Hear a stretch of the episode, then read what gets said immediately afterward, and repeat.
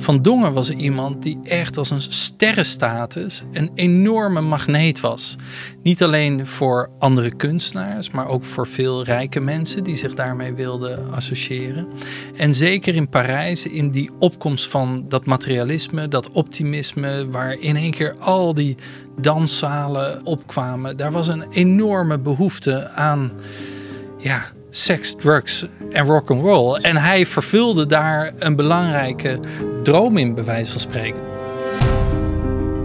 Je hoort Doede Hardeman.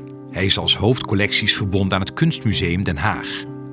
Het topstuk waar hij ons kennis mee wil laten maken is van de Nederlandse kunstenaar Kees van Dongen. Het is een lieflijk portret van een meisje met de naam Dolly. Een schilderij dat niet alleen in de kunstgeschiedenis een belangrijke plek inneemt, maar ook in het leven van Doede zelf.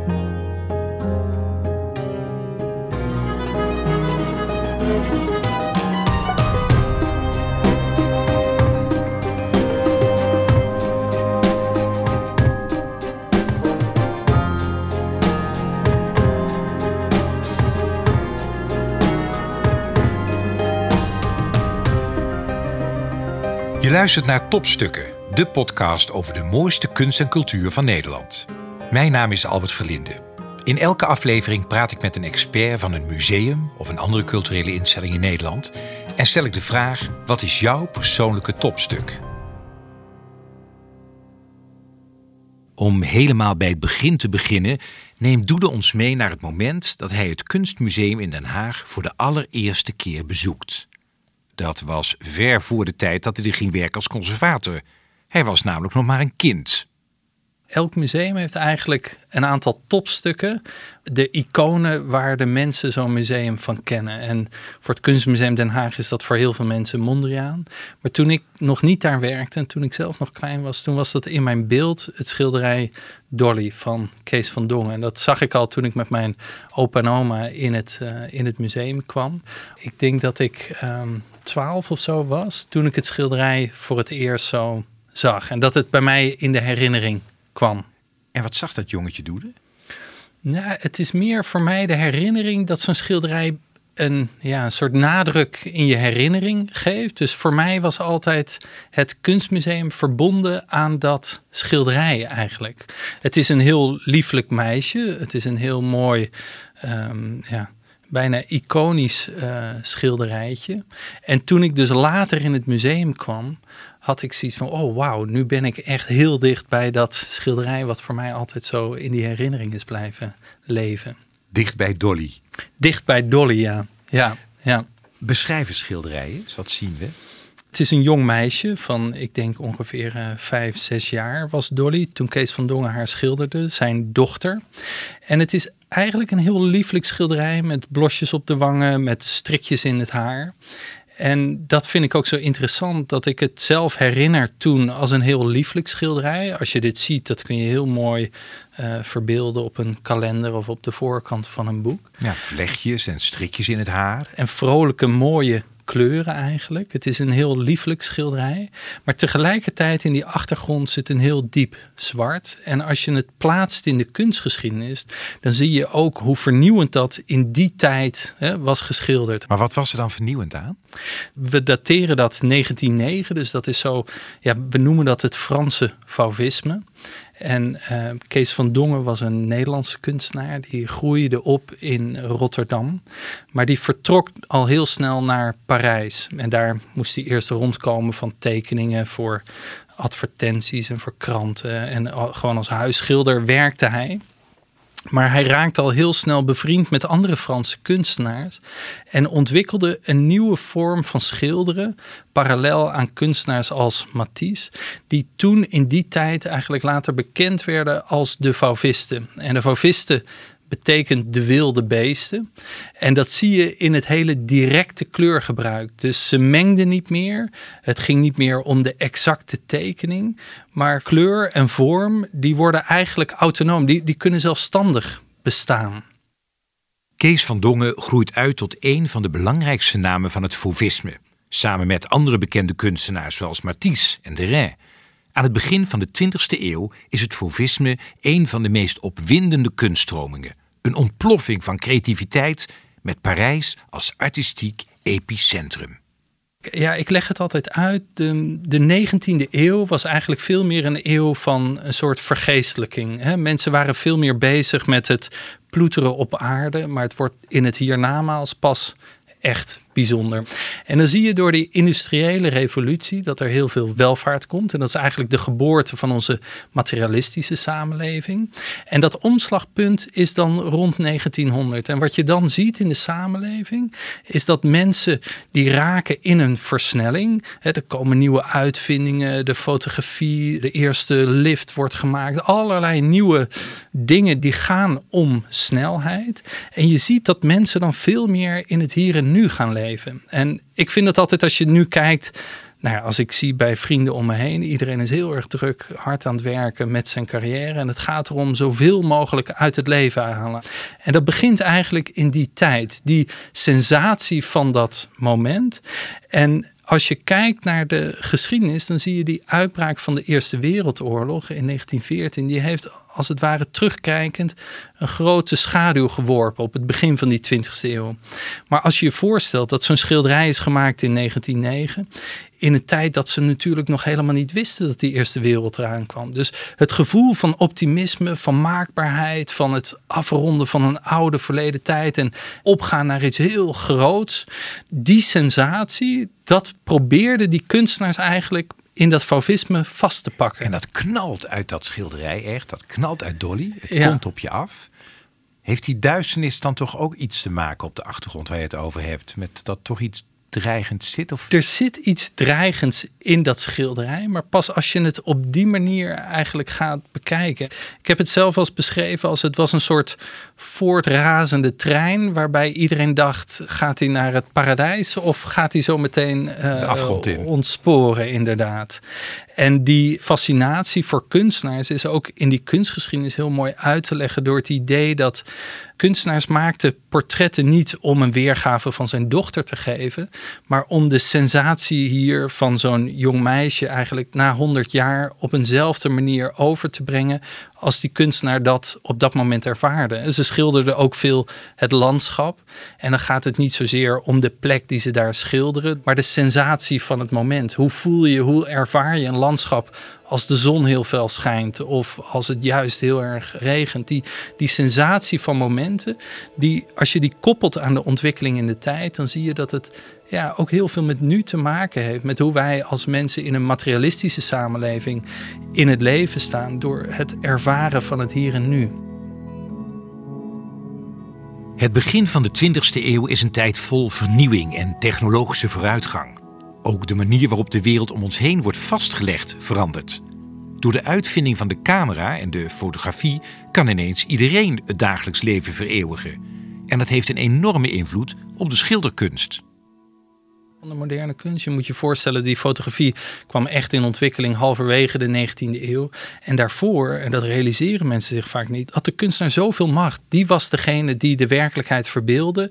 En dan maar liever iets mooier dan de ellende die er toch vaak al was. Dus het was ook een last die bij kunstenaars van hun uh, schouders viel. En bijna parallel ontwikkelt zich dan de ontwikkeling van die moderne kunst, waarbij een schilderij niet de werkelijkheid of iets moois wil weergeven, maar waarbij het veel meer om het schilderij zelf gaat, de kleur of de vorm en ja, de sensatie van zo'n moment.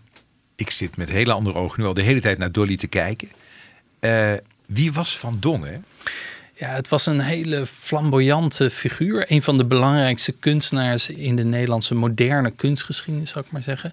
Hij kwam uit Rotterdam, uit de haven van Rotterdam. Daar had zijn vader een bedrijf. En toen is hij al heel snel naar Parijs gegaan. Want iedereen die echt een beetje modern wilde zijn als kunstenaar, die ging naar Parijs. En daar heeft hij eigenlijk heel lang gewerkt met die avant-garde kunstenaars. Dus ook veel bijvoorbeeld met uh, Picasso kende hij. Hij zat in dat Lavoir Bateau. Dat was een belangrijke plek waar die kunstenaars samenkwamen. Wat was dat voor plek, Lavoir Bateau? Ja, dat was een atelier, of eigenlijk een ateliergebouw waar Picasso zat. Daarom is dat zo bekend geworden. Maar daar waren heel veel kunstenaars die daar naartoe kwamen. Dat kwam elkaar gewoon tegen. Matisse, Van Dongen, Picasso. Zeker, die avant-garde die ontmoeten zich, ja sowieso, in Parijs. En het is heel interessant dat dat allemaal zo rondom de jaren 1904, 1905, 1906, zo die tijd eigenlijk. En er is ook een hele mooie foto die ik een paar jaar geleden tegenkwam, dat je Dolly in dat atelier ziet bij Picasso voor een van die grote cubistische werken. Dat laat ook zien hoe dicht die wereld uh, daar samenkwam. Dus dat was voor Van Dongen een hele belangrijke fase met die andere grote moderne kunstenaars. Je ziet dan eigenlijk dat veel van die kunstenaars zoals Picasso, die ontwikkelen dan verder in het cubisme. En Van Dongen die, die zocht eigenlijk een verdere internationalisering. Hij maakte veel reizen het was wel voor hem ook als kunstenaar, hè, in de tijd dat hij in Parijs kwam, moest hij echt rondkomen door zelf als huisschilder aan de slag te gaan om reproducties te maken. Maar dan zo net voor die Eerste Wereldoorlog, dan maakt hij een doorbraak. En dan, ja, dan wordt hij ook eigenlijk heel bekend al in Parijs. En met name ook omdat hij mooie feesten geeft waar de avant-garde samenkomt. Nou ja, daar kun je heel wat uh, bij voorstellen. Er zijn ook al er zijn heel veel mooie foto's van Van Dongen op dat soort feesten. Die foto's zijn dan altijd een beetje later gemaakt, want al heel snel daarna breekt de Eerste Wereldoorlog uit. En je moet je voorstellen, in die kunstgeschiedenis was dat eigenlijk een soort einde van het experiment. Dus heel veel kunststromingen die ontwikkelen zo voor die Eerste Wereldoorlog. Precies in die fase dat dat schilderij van Dolly uh, door Kees van Dongen is gemaakt. En dan in die Eerste Wereldoorlog. Het gekke is ook, heel veel kunstenaars gingen en heel veel mensen met optimisme naar het front. Omdat ze het idee hadden van, oh, nu rekenen we af met het verleden. Nu gaan we echt die toekomst in. En toen kwam die grote ellende. Toen werd ook zichtbaar dat al die vernieuwing desastreus was in de vernietiging van zo'n oorlog. Dus dat heeft een enorme schaduw geworpen. En dat heeft eigenlijk het hele experiment uit de kunstgeschiedenis voor een groot deel gehaald. En ja, gek genoeg, in Nederland was er juist weer een opbloei, omdat Nederland neutraal was en veel kunstenaars hier naartoe trokken. Maar dat heeft echt een hele belangrijke rem gezet op de nieuwe experimenten in de kunst. Zie je dan, ook een knik in het werk van Van Dongen? Nou ja, Van Dongen is een van de weinigen die toch in dat optimisme eigenlijk doorgaat. Want direct na de Eerste Wereldoorlog exposeert hij ook weer in Parijs met hele grote portretten. En daar heeft hij heel veel succes mee. En dan in de jaren twintig, dan komt hij ook in aanraking met een breder milieu van rijke mensen.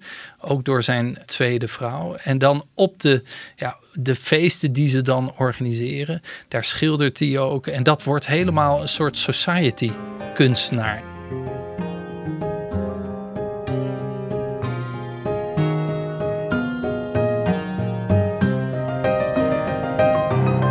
Van Dongen maakt dus zijn entree in de high society. Hij creëert talloze schilderijen van beroemde filmsterren en vrouwen uit de upper class. Maar niet alleen zijn schilderijen zijn veel besproken. Ook over zijn uitbundige levensstijl en met name zijn beruchte feesten raakt men in die tijd niet uitgepraat. Ja, het is natuurlijk echt in zo'n tijd waar die cultstatus van zijn kunstenaar opkomt. Van Gogh was een kunstenaar die in zijn leven één schilderij verkocht. Daar was eigenlijk geen aandacht voor. Dat kwam net na zijn dood. Van Dongen was er iemand die echt als een sterrenstatus een enorme magneet was. Niet alleen voor andere kunstenaars, maar ook voor veel rijke mensen die zich daarmee wilden associëren. En zeker in Parijs, in die opkomst van dat materialisme, dat optimisme, waar in één keer al die danszalen opkwamen, daar was een enorme behoefte aan ja, seks, drugs en rock and roll. En hij vervulde daar een belangrijke droom in, bij wijze van spreken. Dus veel mensen kwamen er tegen, die ontmoetten daar elkaar. Dat is ook het interessante aan dat de kunstenaar daarin een ander icoon werd, een andere persoon, een andere verbeelding in die samenleving. Het lijkt net alsof je in die 20e eeuw de kunstenaars hebt, de filmsterren, de, de vliegeniers, uh, dat het de sterren van hun tijd werden. Precies. En dat heeft natuurlijk ook heel erg te maken met die nieuwe mogelijkheden om dat te cultiveren. Dus met tijdschriften, met film. De, de reproductietechnieken versnelden enorm. Dus nieuws werd ook heel snel uh, rondgebracht. Mensen konden ook met de trein naar Parijs toe. Dus er kwam een enorme versnelling op allerlei gebieden, waardoor de behoefte aan iconen ook veel groter werden en veel internationaler.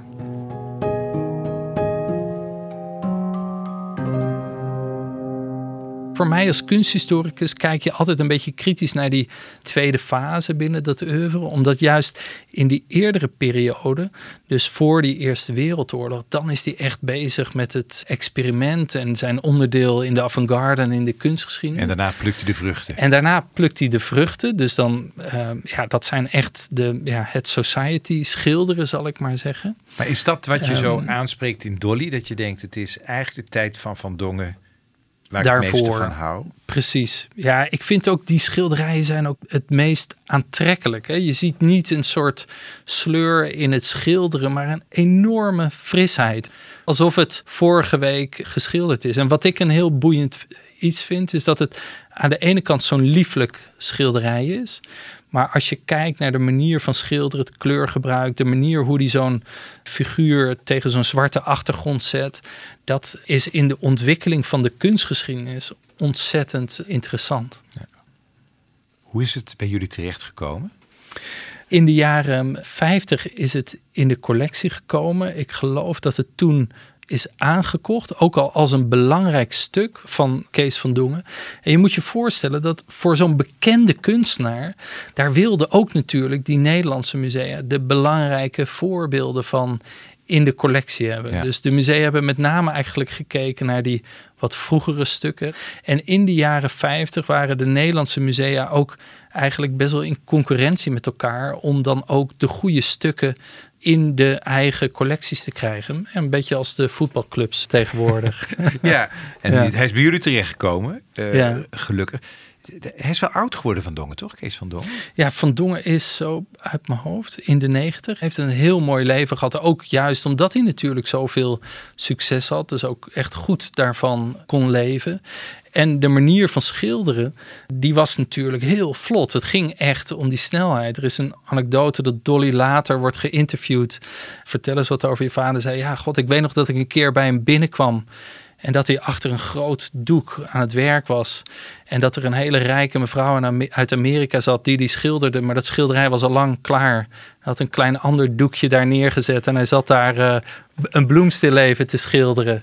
En later zegt Dolly tegen de vader van... God, uh, papa, wat was dat nou weer voor gekkigheid? Ze zei, ja, als ik al in een uur klaar ben... dan willen ze nooit dat bedrag betalen... Uh, wat ik ze nu in, in rekening breng. Dus hij heeft een heel mooi leven gehad. Heeft ook altijd daar volop van genoten. Heeft dat ook uitgedragen. Gaat ook heel erg over het kunstenaarsimago, zal ik maar zeggen. En zeker ook in die Parijse tijd heeft hij natuurlijk ja, daar heel veel um, zichtbaarheid mee gehad. Ja. En Dolly? Dolly is ook oud geworden. Zij is ook geïnterviewd altijd. Um, ja, zij was degene die ook de verhalen nog over haar vader zo vertelde. Dus ook bijvoorbeeld bij de grote tentoonstelling Museum Boymans van Beuningen... dat er hele oude filmpjes zijn met de interviews van haar. En voor haar moet dat natuurlijk ook bijzonder zijn geweest. Omdat die tijden ook met bijvoorbeeld dat contact met Picasso of, of bijvoorbeeld met Matisse. Dat zijn natuurlijk toch dingen die waarschijnlijk ook nog wel in haar herinneringen hebben geleefd. Ja. ja ik ben nog meer van Van Dongen gaan houden eigenlijk. Het, is, het zijn hele dure werken tegenwoordig. Hè? Wat doet een Van Dongen uit die tijd waar jij het over hebt? Nou, ik geloof zo dat de meest kostbare werken gaan richting de 8 miljoen of zo. Dat zijn de echte meest uh, aantrekkelijke schilderijen, zo voor die Eerste Wereldoorlog. Het is zo mooi, het is zo fris, het is zo uh, optimistisch. En dat voel je heel sterk in die schilderij. En dat zie je ook in die waarde van ja, de bekendheid van zo'n kunstenaar terug. Want dat is ook belangrijk om te realiseren. Je hebt in elk land wereldberoemde kunstenaars in eigen land. Hè. Dat, dat heb je heel, heel veel. Kees van Dongen is een van die weinige kunstenaars die wereldberoemd is in, ja, niet alleen in Nederland. Echt een wereldster. Ja. Als er nou één moment is in dat rijke, lange leven van Van Dongen waar jij van zegt, ja, daar had ik toch wel een vlieg op de muur willen zijn. Daar had ik wel bij willen zijn. Ja, de tijd waarin het portret van Dolly werd geschilderd. Dus in die fase 1907, 1908, 1909. Echt geconcentreerd op die jaren om dan in Parijs te zijn. En nu wetend wat je dan had moeten zien. Hè, dus op de juiste plekken. Ja, dat lijkt me waanzinnig. Dat je daar loopt tegen Picasso. Dat je daar loopt, dat je daar gaat kijken, dat je de tentoonstellingen ziet. Dat je ja, die, die onderlinge beïnvloeding op dat moment kan bekijken. Dat, dat moet waanzinnig zijn geweest.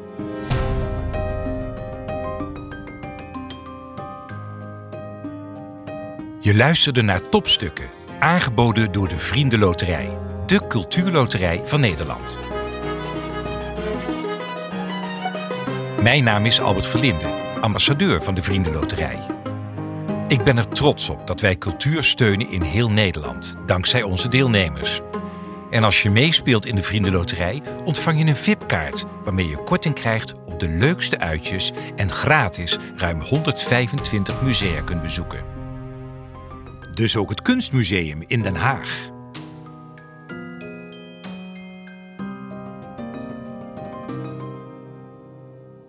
Benieuwd naar meer mooie verhalen? Abonneer je dan gratis op Topstukken in je favoriete podcast-app of ga naar topstukkendepodcast.nl.